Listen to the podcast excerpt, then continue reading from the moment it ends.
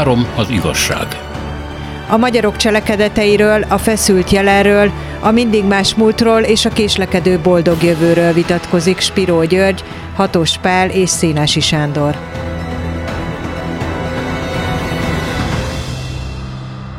Üdvözlet az uraknak! Tusványosra jutott eszembe, de persze nem arról fogunk beszélni, nem a beszédről, meg az ott megjelentekről, hanem hanem arra, hogy hogy alakul a viszonyunk, mármint az úgynevezett anyaországnak a viszonya, vagy a magyarországi közvélemény viszonya a határon túliakhoz, hogy tudjuk-e, hogy mi az, amire szükségük van, tudjuk-e, hogy amikor tapsolnak, miért tapsolnak, amikor nem szeretnek valamit Magyarországon, akkor miért nem szeretik. Szóval egyáltalán vagyunk-e valamilyen viszonyban, kapcsolatban egymással. Én annak a generációnak a tagja vagyok, amelyik a legteljesebb tudatlansággal kezdte el ezt a történetet. Két rövid dolog. Hódmezővásárhelyen a kosárlabda csapata gyakran jártunk át Jugoszláviába Zentára, magunkat mindig megveretni, tehát mindig mit kikaptunk. És akkor azt mondta nekem egy fiú, hogy ti magyarok, hát nem vagytok nagyon kellemes népség, az oroszok fenekéből lógtok ki. Mondta ezt egyébként tökéletes magyarság, a magyar neve is volt. Nem értettem. Snit, Moszkva egy szálloda bárja, éjfél, oda jön hozzám egy ember, azt mondja, hogy Erdélyből jött, mondom, jó napot, és azt mondja, mikor jöttök? Mondom, kik? Azt mondja, ti, de hova? És minek? És így nézett rám, és elment. És teljesen abszolút fogalmam nem volt arról, hogy miről beszél. Vannak ilyen személyes történeteik? Nekem másmilyen történeteim vannak. 1965-ben egész fiatalon kikerültem Belgrádba, és ottan meglepve tapasztaltam, hogy egy magyar író, akit én magyar írónak tartok, egyáltalán nincsen a könyvesboltokban. Kettő, vannak magyar nevű írók, akikről én soha nem hallottam. És akkor kiderült, hogy van egy vajdasági magyar irodalom, amit fordítanak szerkorvátra egyébként, de hát mi semmit nem tudtunk róla, hivatalosan sem, meg egyébként sem. De most akkor kezdtem el ö, ö, szerencsésen megismerkedni ö, ö, először a vajdasági irodalommal, és aztán, amikor megtanultam szlovákul, akkor a szlovákiai magyar irodalmat végigolvastam, meg ismertem szerkesztőket ott a magyar kiadókban. És szerencsém volt az egyetemen már, mert Színe Mihály ö, ö, ö, két évig volt a szeminárium vezetőn, és ő nagyon sok erdélyi íróval megismertetett minket, és nagyszerű műveket olvashattunk el akkor, amelyek úgy nem voltak szintén a köztudatban. Emlékszem Kányádi Sándornak a Függőleges Lovat című nagyszerű hm. egyik első kötetére, ami hát gyönyörű versek van ennek. Tehát nekem ilyen szempontból elég szerencsém volt, és, mert hiszen akkoriban azért nem volt nagyon élénk a, a személyes forgalom a kisebbségi magyar területekkel. Aztán persze úgy beláttam, hogy nagyon-nagyon fontos a kisebbségi magyar irodalom, mert egyrészt Jugoszláviában a látszat kedvéért természetesen, meg kirakatként, de azért sok mindent megengedtek, amit a többi szocialista országban tiltottak cenzurálisan, és a magyar irodalom az új szimpóziumtól kezdve, meg a híd, meg a többi fórum, azok nagyon szépen átvették mindazt, amit szerporvát közvetítéssel a nyugat-európai elméletből és filozófiából leszűrhettek, és hát nem volt akármilyen a bukaresti könyvkiadás, meg a erdélyi könyvkiadás sokáig, tehát mondjuk a Ceausescu középső időszakáig, mert egy csomó mindent kiadtak, ami Magyarországon vagy nem teljesen, vagy másképp volt kiadva. Tehát nagyszerű erők működtek, és nekem személy szerint ezzel nagy szerencsém volt, hogy időben megismerhettem. De egyébként az, hogy az elcsatolt részeken mi történik, hát ugye borzasztó, ami történt, és történik, és folyamatban van, mert az ilyen újra és újra megerősített határok és kisebbségi lét az azért előbb-utóbb mindenképpen sorvadásnak indul egy olyan nacionalista nemzetállami közegben, mint ami Európában van 200 éve. Úgyhogy én láttam, hogy Jugoszláviából hogyan vándorolnak ki nem csak a jugoszlávok, hanem hát velük együtt ugye a magyarok is Németországba, ők már a 60-as években elmentek vendégmunkásnak, és nem is tértek vissza. Domokos Istvánnak van erről egy csodálatos vers a kormány eltörésben. Igen. És, és hát nincs számon tartva, de hát azok a Romániából a rendszerváltás után, főleg Spanyolországba, Portugáliába, Franciaországba, Olaszországba vándorolt milliók, hát közöttük rengeteg magyar is van. Úgyhogy az elvándorlás nem csak Magyarországra tart, amit például a jugoszláv polgárháború erősített, egy csomóan akkor jöttek át, hanem ez a nyugatra való szitkázás, ez folyamatosan tart, attól szinte függetlenül, amióta nyitva vannak a határok, hogy hogyan viselkednek a magyar kisebbséggel szemben az egyes országok. Hatosva. Számomra ez egy nagyon személyes történet, de éppen azért, mert személyes gyökereim a határon túli magyarságban nincsenek sem apám, sem anyám részéről, semmilyen felmenőm ről nem tudok, akik ottani közösségekből jöttek volna. Az egyik dédapám az Aponyi Albertnek volt a kertésze Éberhárdon, ennyi, de nem onnan valósi volt. És a gyerekkoromban, általános iskolás koromban éppen ezért nem is nagyon találkoztam ilyen dolgokkal. A gimnáziumban, én a Győri Bencés gimnáziumban jártam, és akkoriban ugye összesen 8 egyházi gimnázium volt, kis világ volt ez az egész, és amikor meglátogattam az egyik osztálytársamat Sárváron, akkor a Sárvári könyvtárba került elém Kányádinak a Szürkület című kötete, amit 78-ban adtak ki, egy vékony kis kötet, gyönyörű versekkel.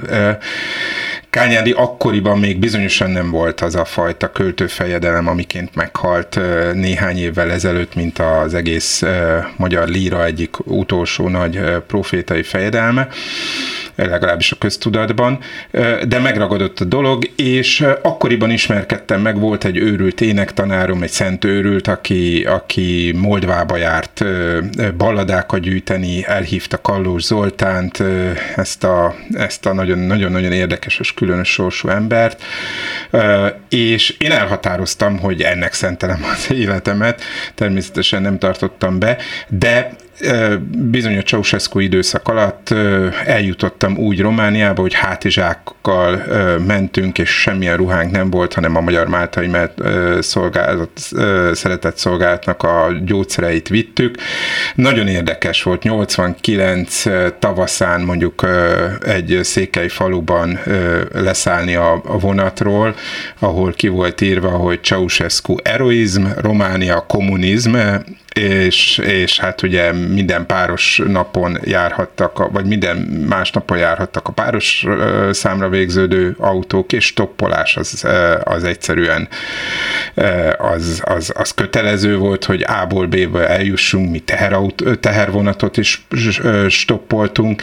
Egy olyan világ tárult elém, amikor tényleg Kolozsvára menet, és Kolozsvárról Székely Kocsárdon át, akkor már ismertem ugye a Gida Jenő verset, eljutottam Csíkszeredába, mintha mindenki magyar lenne. Aztán később rájött, rájöttem, és tanulmányaim felvilágosítottak, hogy 300 éve Erdélyben a magyarok kisebbségként élnek ezt a mentális változást nekem pont, aki ugye abba a korszakban nőttem föl, amikor Erdély beszabadult végre, felszabadult végre a magyar köztudatba a sok, sokszoros tabu alól, emlékezzünk a 88-as tüntetésekre.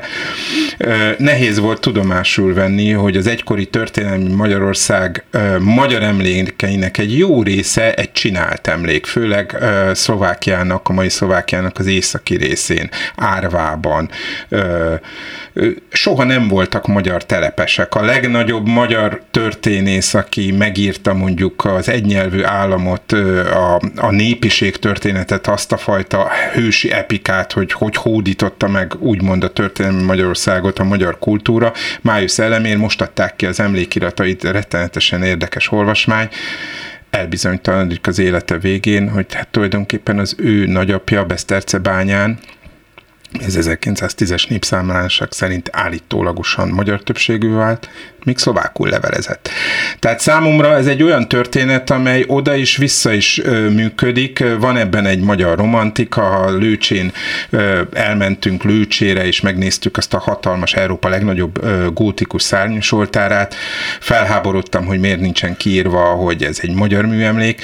Természetesen a magyar királyságban ö, alkották ezt a műemléket, de hát ö, a lőcsei pálmester valószínűleg egy szóval nem tudott volna megszólalni magyarul.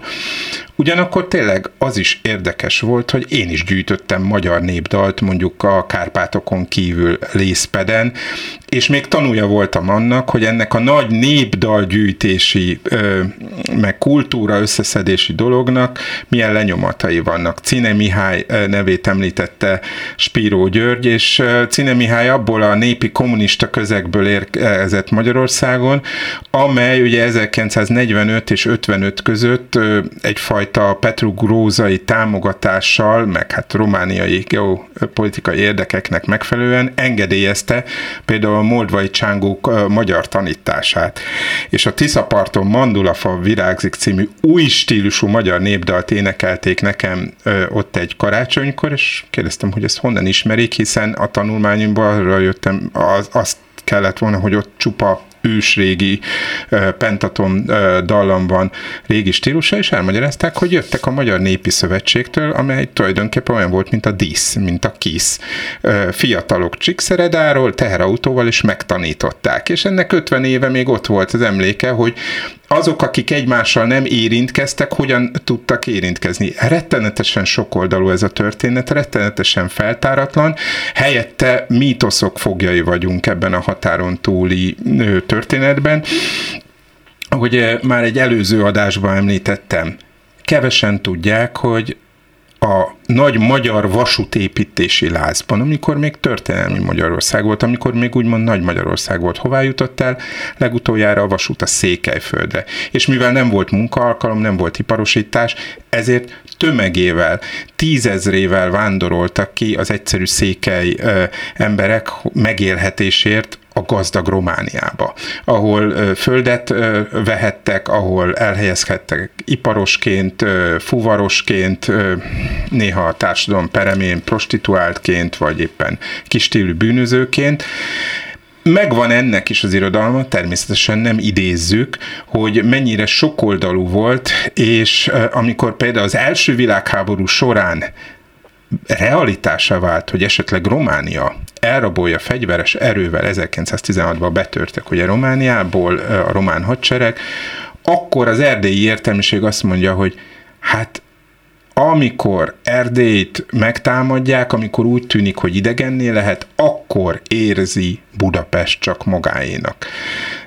És hát azt is látjuk, hogy a Betlen István kormánya 1920-as években megpróbálta a a revíziós propagandát is visszafoglalni, miközben, miközben egy olyan történész, mint Szegfű Gyula arra figyelmeztetett, hogy elidegenedés megy végbe mondjuk a szétszakadt nemzet különböző kultúrái között, tehát hogy határon túlra szakadt kultúrák között, és amiről Spiró György beszél, az egyfajta kényszer identitás volt, amelyből csomó jó dolog született, tényleg az új szimpózion, és ne felejtsük el tényleg Sinko Ervinnek a nevét, aki, aki az egész jugoszláviai, második világháború utáni jugoszláviai irodalom, magyar nyelvű irodalomnak a a, a Nestora volt, és táplálója volt, és milyen más arcú ugye a, a szlovákiai, vagy az erdélyi, amit leginkább ismernek, Sütő András, ugye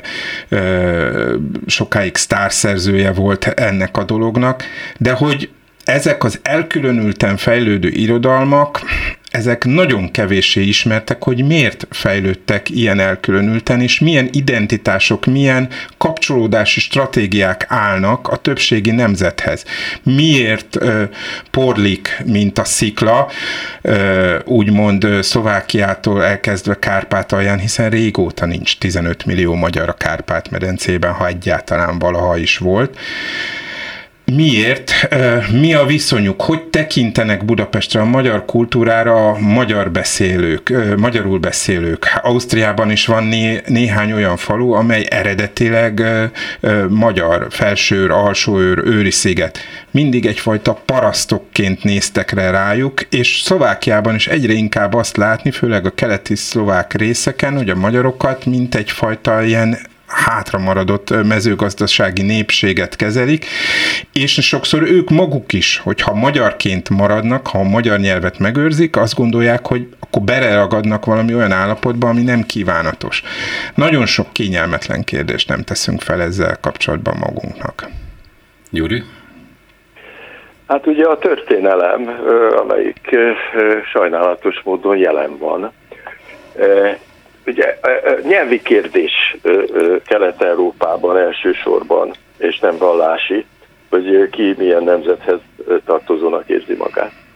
Na most sajnálatos módon a 20. század arról szól, hogy csak egy nyelvet tanul meg az ember gyerekkorában, és akkor az, a, az az anyanyelve, és ezzel kész van. Na most a természetes állapot még a 19. században, a monarchiában, meg előtte, az volt, hogy azt a nyelvet tanulják meg, amit felszednek az utcán. És a nyelvhez való tartozás nem jelentette egyúttal azt, hogy a másik nyelvet használót nemzetiségi alapon meg kell vetni, vagy, vagy ki kell golyózni, vagy meg kell verni. Ez a 20. századnak a folyamánya, és a többnyelvűség az egész Magyarországon és a régióban természetes volt.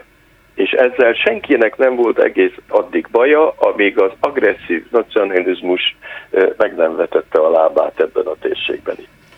Na most ugye az, hogy idegen nyelvet használók, például németet használók, megjelennek az Alföldön, amit a, törökök lepusztítottak. Mária Terézia idején e, települnek be, ugye e, e, a németek, a svábok, a szászok. A szászok előbb is voltak már, meg a zsidók. Na most ezzel senkinek tulajdonképpen nem volt semmi baj egészen addig, amíg föl nem merült annak a kérdése, hogy a nyelvhasználat és a nemzethez való tartozás az összefügg.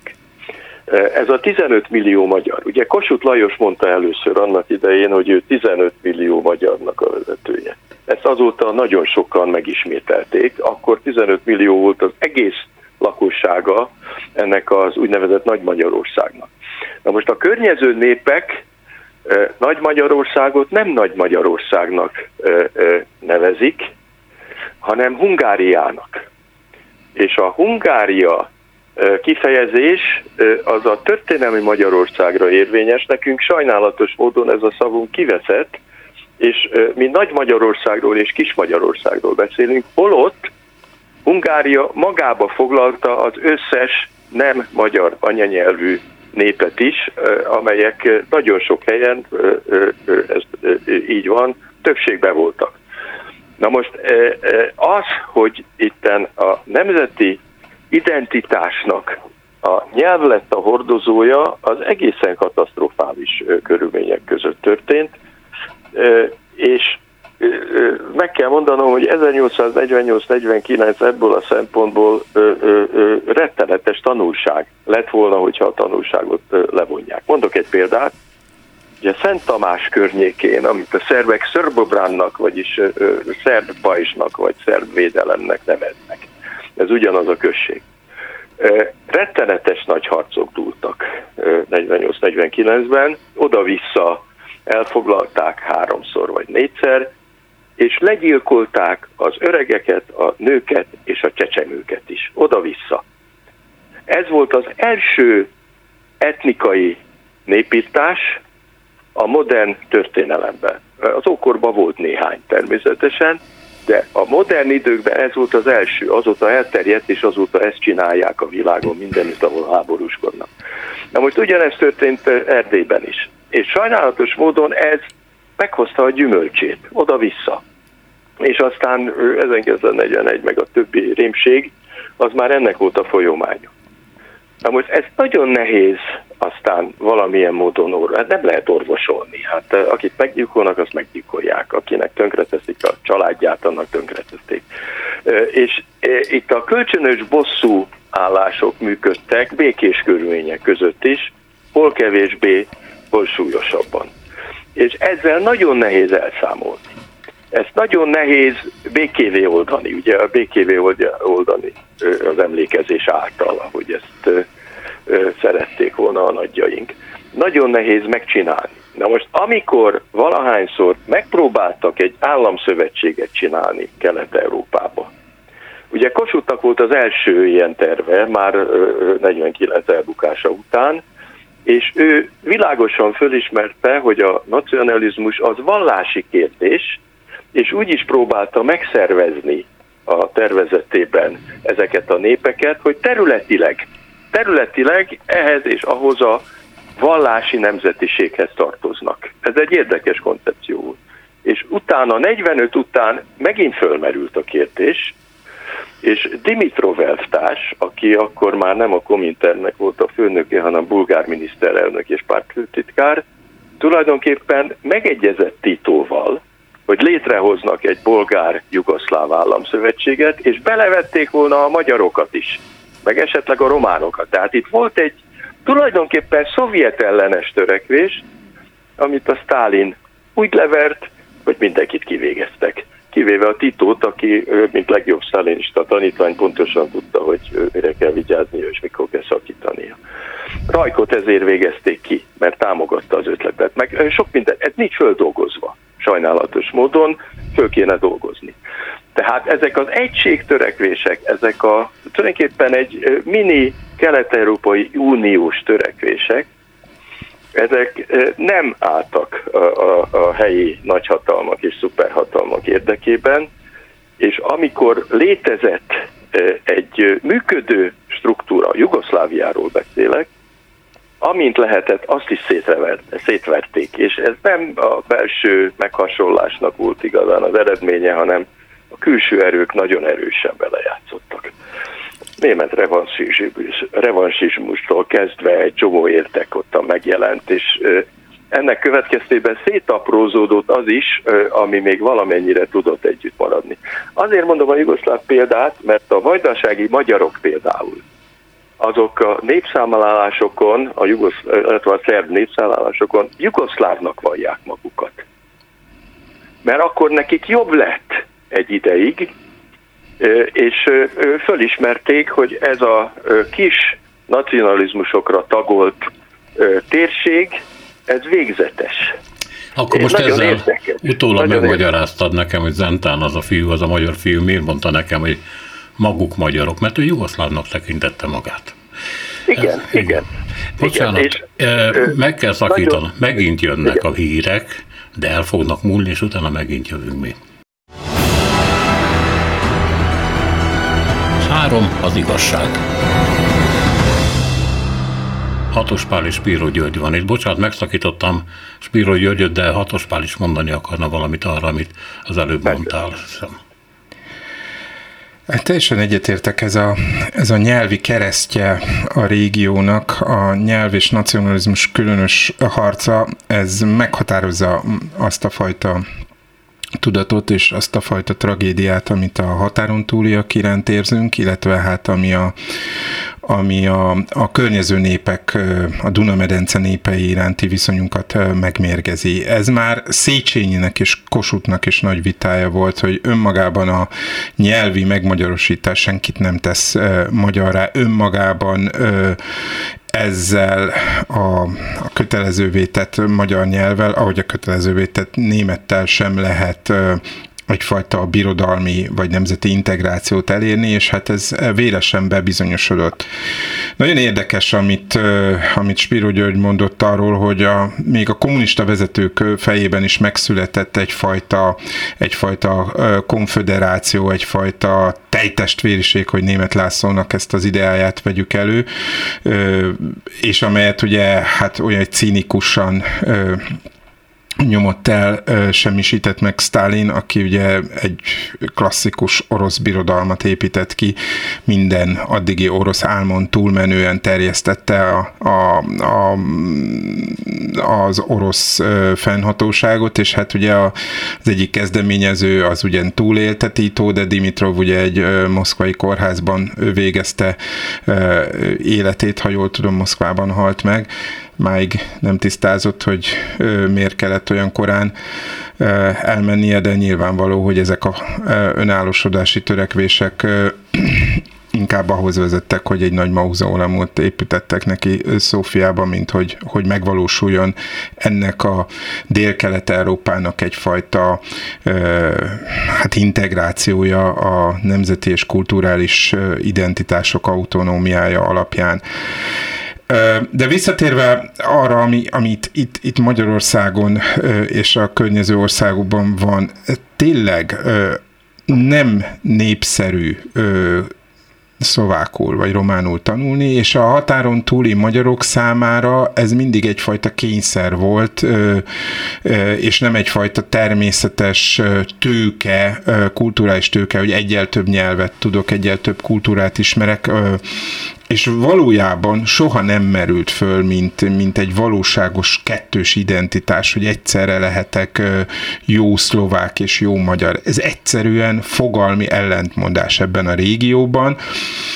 Nincs egy olyan évszázados modell, mint ami Svájcban van, ahol ugye a különböző romans, rétoromán közösségek is hiába vannak összesen néhány tízezren, megőrizhetik nyelvüket és kulturális identitásukat, hiszen ez az egész Svájc gondolat nem a nacionalizmuson, hanem a közösségen alapul, a lokalitáson és hagyományon nagyon is konzervatív, miközben a nacionalizmus egy nagyon is modern idea. És egyetértek azzal, hogy ezek az agresszív és kizárólag kizárólagosságra törekvő nemzeti ébredések azok, amelyek, amelyek végső soron arra kárhoztatták az itt lévőket, hogy, hogy hogy, hogy kényszer alatt éljék meg az identitásukat, és identitásuknak mindig csak egy részét tudják megélni vagy bevallani, hiszen a nemzeti kultúra hordozói voltak mindig a dominánsok, a, a vezetők az iskolában, a tananyagot meghatározók azok, akik a közigazgatást irányították, míg a helyi identitás sokkal bonyolultabb volt, de hát ezt nem lehetett elszámolni egy, egyik hivatalosság irányában sem. Az a kérdés, hogy most a 21. században ez hogy változik, és, és az is egy nagyon izgalmas kérdés, hogy a magyar kultúra túlélheti-e azt, hogy, hogy valaki elveszíti a magyar nyelv tudását akár Amerikában, akár Szlovákiában, és mégis megmarad magyarnak. Úgy tűnik nem. Annyira végzetesen kötődik a magyar kultúra, a magyar identitás a nyelvtudáshoz, hogy, hogy, hogy nincs, nincs ebből kiút. Hatos Pál említette, hogy a a ma határon túli magyaroknak hívott magyarok, ugye azt mondták 1916-ban, hogy Budapestnek akkor vagyunk fontosak, a bevonulnak a románok. Ma azt lehet mondani, hogy azt érezhetik ezek az emberek, hogy akkor fontosak Budapest számára, ha van olyan kormány vagy politikai párt, amely politikai befolyásért hát elkezd kedvezni anyagi juttatásokkal, támogatásokkal. Lásd ugye a romániai magyarságnak a elég egyértelmű és egyszínű politikai hovatartozását, ami nem a Fideszről szól magában, hanem a többi pártról is természetesen. Ez a periféria, ez a kitaszítottság, ez a nem figyelem, párosulva azzal, hogy, hogy nem akarnak nagyon sokan még ma sem elfogadni azt, hogy egy romániai társadalomban élnek, ahol többségben románok vannak, vagy Szlovákiában többségben szlovákok vannak, és velük kéne kapcsolatot teremteni ha már a budapestiek nem figyelnek annyira, ez egy kicsit öngyilkos stratégiának tűnik, de nem tudom, hogy van ebben tudatosság. Tehát, hogy nem, lenézik őket? Hát nyilvánvaló, hogy lenézik őket, tehát uh, nem régiben jártam Losoncon, ami alig 10 kilométerre van a a magyar határtól, és, és alig találok fiatalt, aki, aki magyarul megszólalna.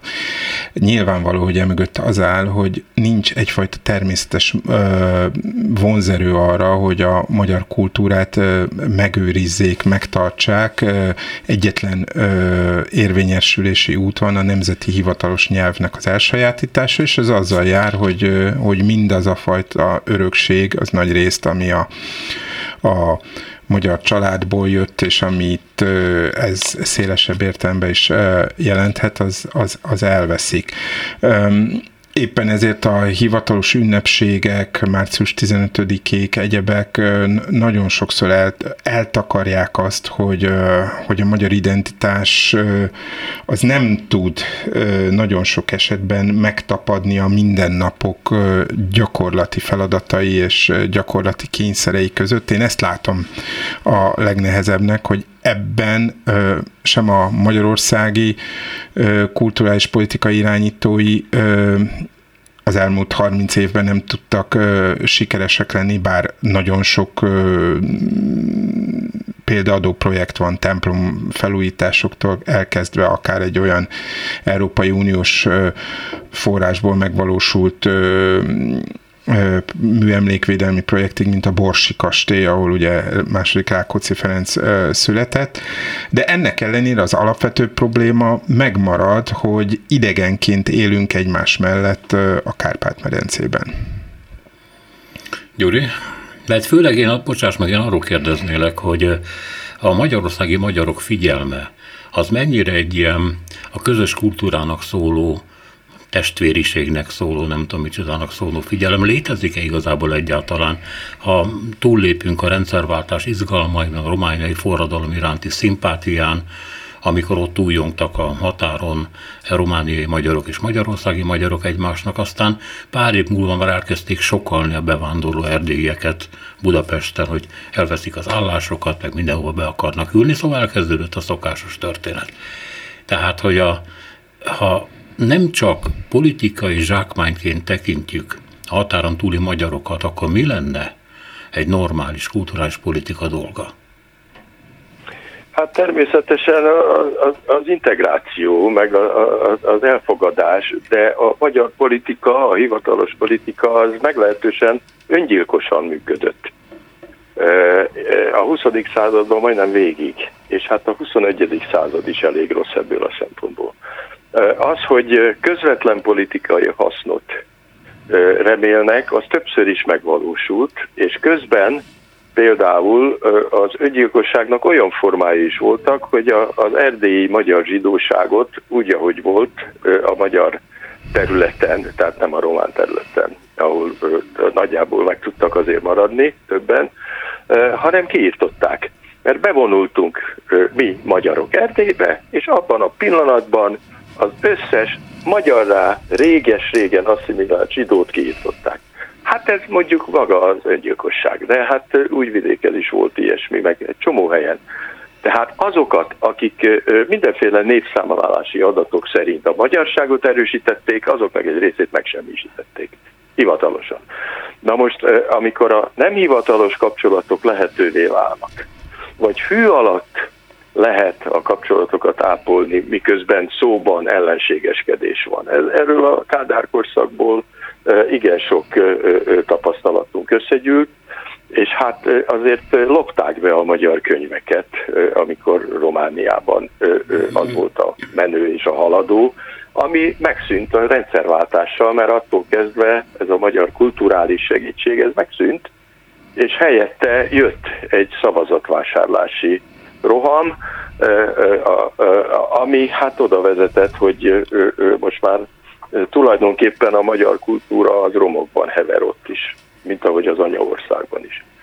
Na most nem hiszem, hogy az megfelelő eljárás, amikor politikailag egyetlen tengely körül megosztanak embereket, akik ugyanahoz a nemzethez tartoznak. Ennek a rettenetes következményei, ezek feltárultak már 100-150-200 évvel ezelőtt.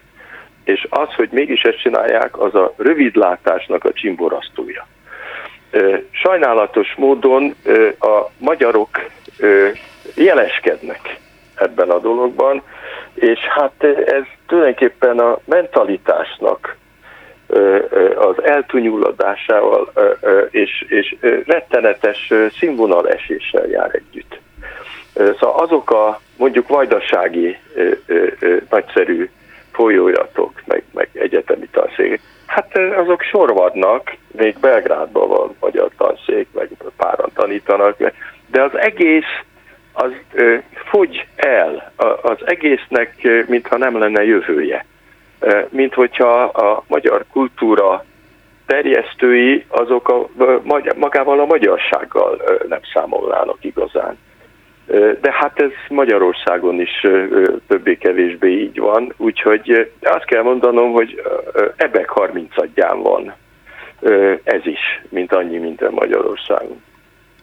Én azt látom, hogy hogy van egyfajta nagyon is tudatos, és mondjuk az elmúlt húsz évben viszonylag szabadon építkező határon túli identitás, és, és vannak műhelyek, és volt, voltak, igen, főképp Jugoszláviában, vagy akár Erdélyben is legendás műhelyek, mint a Kritérion kiadó, az igaz szó, egyebek, korunk, amely ugye 90 éve ö, folyamatosan ö, megjelenik ö, nagyon színvonalasan, és sorolhatnánk, ö, nem akarok igazságtalan lenni, hiszen, hiszen rengeteg ilyen műhely van.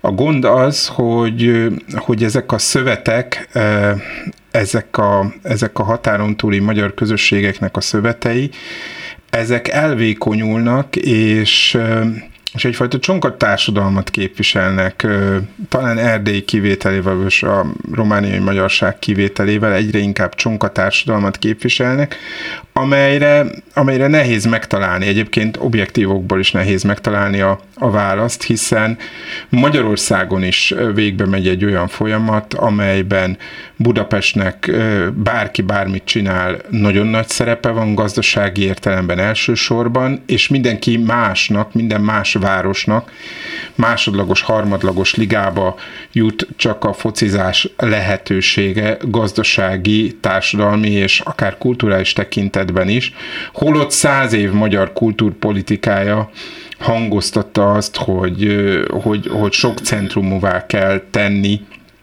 magyar kultúrát.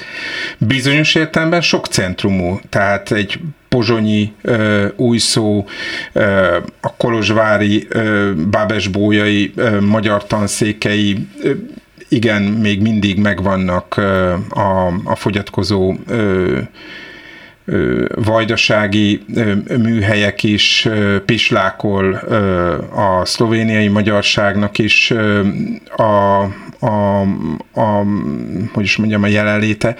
A gond számomra az, hogy, hogy tényleg hogy lehet nem csak politikailag vonzó alternatívát adni, hanem valami olyasmit, amelyben, amelyben elfér ez a megváltoztathatatlan valóság, hogy, hogy a, a magyarok itt is élnek, ott, ahol a magyar a hivatalos nyelv, és a magyar a természetes nyelv, és ott is élnek, ahol, ahol a, a, az, hogy magyar vagy, az mindenképpen ö, többszörös erőfeszítést igényel. Tehát azt beláttatni, hogy ezt, ezt érdemes.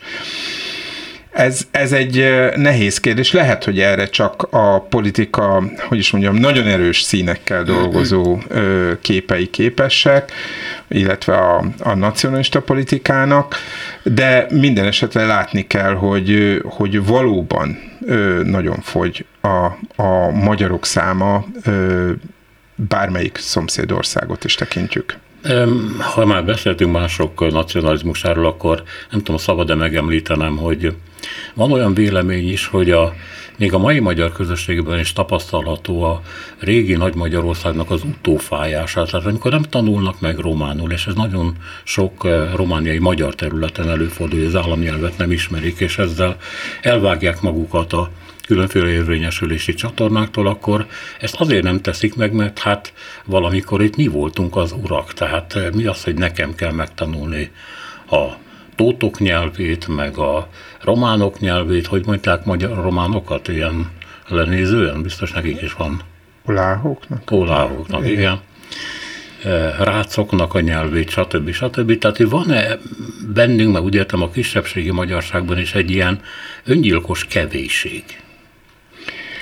Hát én azt gondolom, hogy az, hogy nem beszélik a, a, az adott ország hivatalos nyelvét, az legfeljebb a Székelyföldön tud előfordulni, mhm. ahol még összefüggően olyan nagy magyar ö, telepek vannak, ahol a magyar nyelvismerete elegendő mindehez. Önmagában ezzel se lenne gond, mondom, tehát, hogy nem feltétlenül tud egy Delmonti francia németül érvényesülni mondjuk Zürichben, és főként nem a Pencelben sok-sok tényező van, ami miatt igen. Tehát mindig, ha valaki beszéli az adott ország nyelvét, sokkal jobban tud érvényesülni.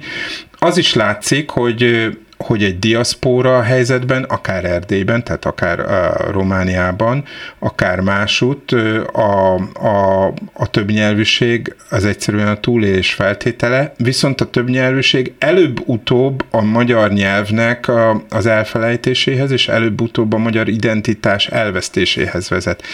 Ez az a ez az a, most mondjam, paradoxon, amit, amit nem lehet megoldani, mert hát napnál világosabb, hogy, hogy érdeke egy szlovákiai magyarnak, egy romániai magyarnak románul tudnia, de az is világos, hogy minél inkább másodlagossá válik számára a magyar identitás, annál valószínűbb, hogy a, a gyermekei nemzedékében mindez a fajta identitás, és mindaz, amit ezt jelentett, ez megszűnik, kivéve, hogy hogyha bevándorol ö, ö, Magyarországra.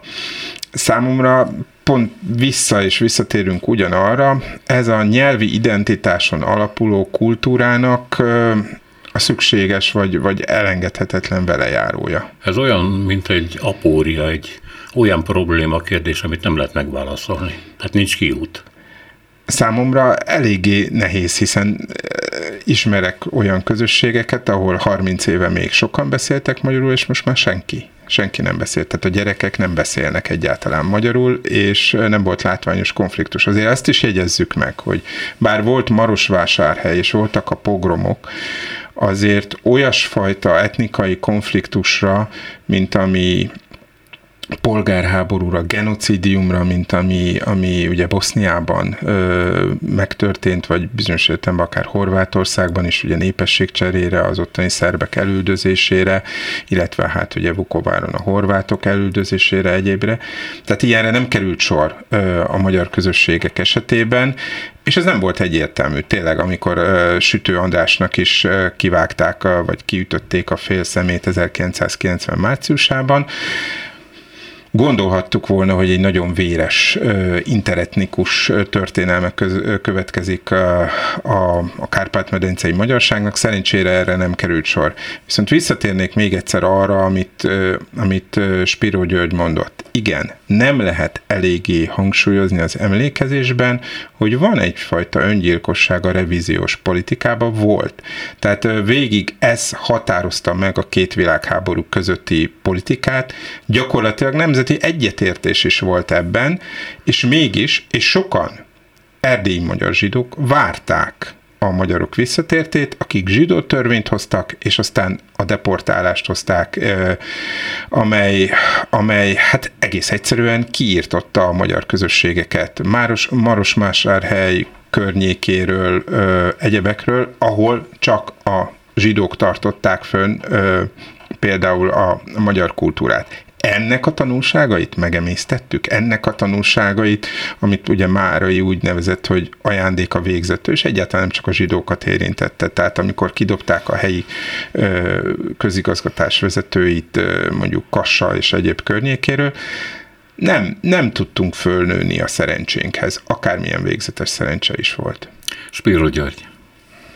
Igen, valóban, tehát amikor a közigazgatást a visszacsatolt területeken lecserélik a magyarországi léhűtőkre, hát ez rendkívül rosszul hatott, attól függetlenül, hogy a zsitókkal mit csináltak. És hát illúzió romboló volt természetesen. A, a nyelv elvesztése. Én, én azt láttam, hát nem jártam annyira sokszor olyan helyen, ahol ne tudták volna az államnyelvét, de a Vajdaságban vagy Szlovákiában azért mindenütt tudnak az államnyelven. Tehát szerintem ez szubjektíve nem annyira nyelvi kérdés. Hát meg lehet őrizni három-négy anyanyelvet azonos szinten, ez tulajdonképpen elszállás kérdése, ez tulajdonképpen identitás kérdése, és akik meg akarják tartani a nemzetiségi nyelvüket, azok megtartják. Tehát itt tulajdonképpen a motivációt kell erősíteni, de a motivációt csak és pusztán politikai eszközökkel nem lehet erősíteni, ahhoz sokkal több kéne. Ez az egyik. A másik, hogy lezajlik, és most is zajlik, egy olyasfajta megkülönböztetés fai alapon, amelyik annak idején a zsidóság kiírtásához vezetett nem nagyon beszélnek azokról a magyar anyanyelvű cigányokról, akik a nemzetiségi területeken élnek. Elég sokan vannak.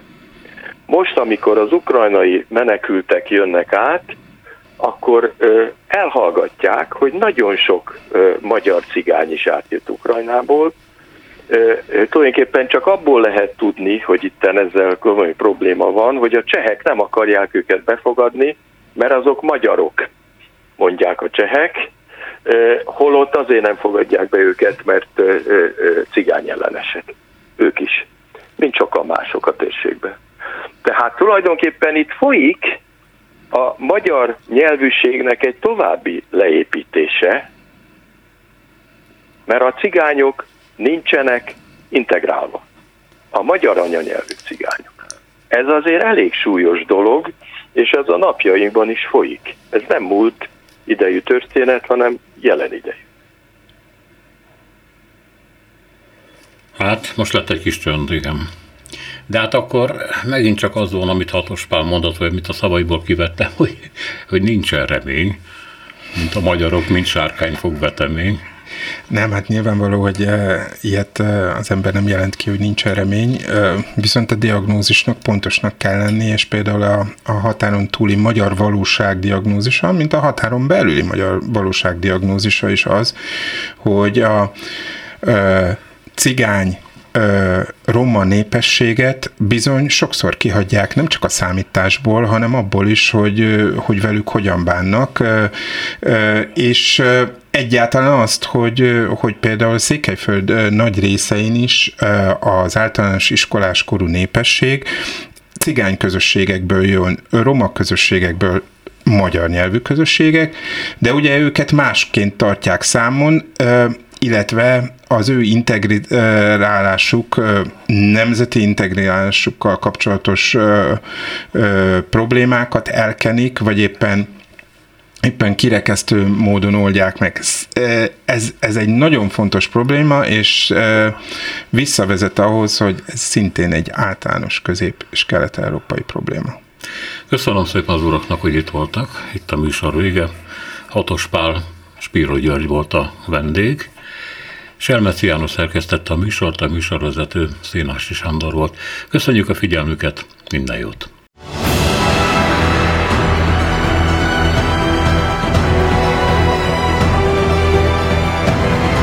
Három az igazság. Szénási Sándor műsorát hallották.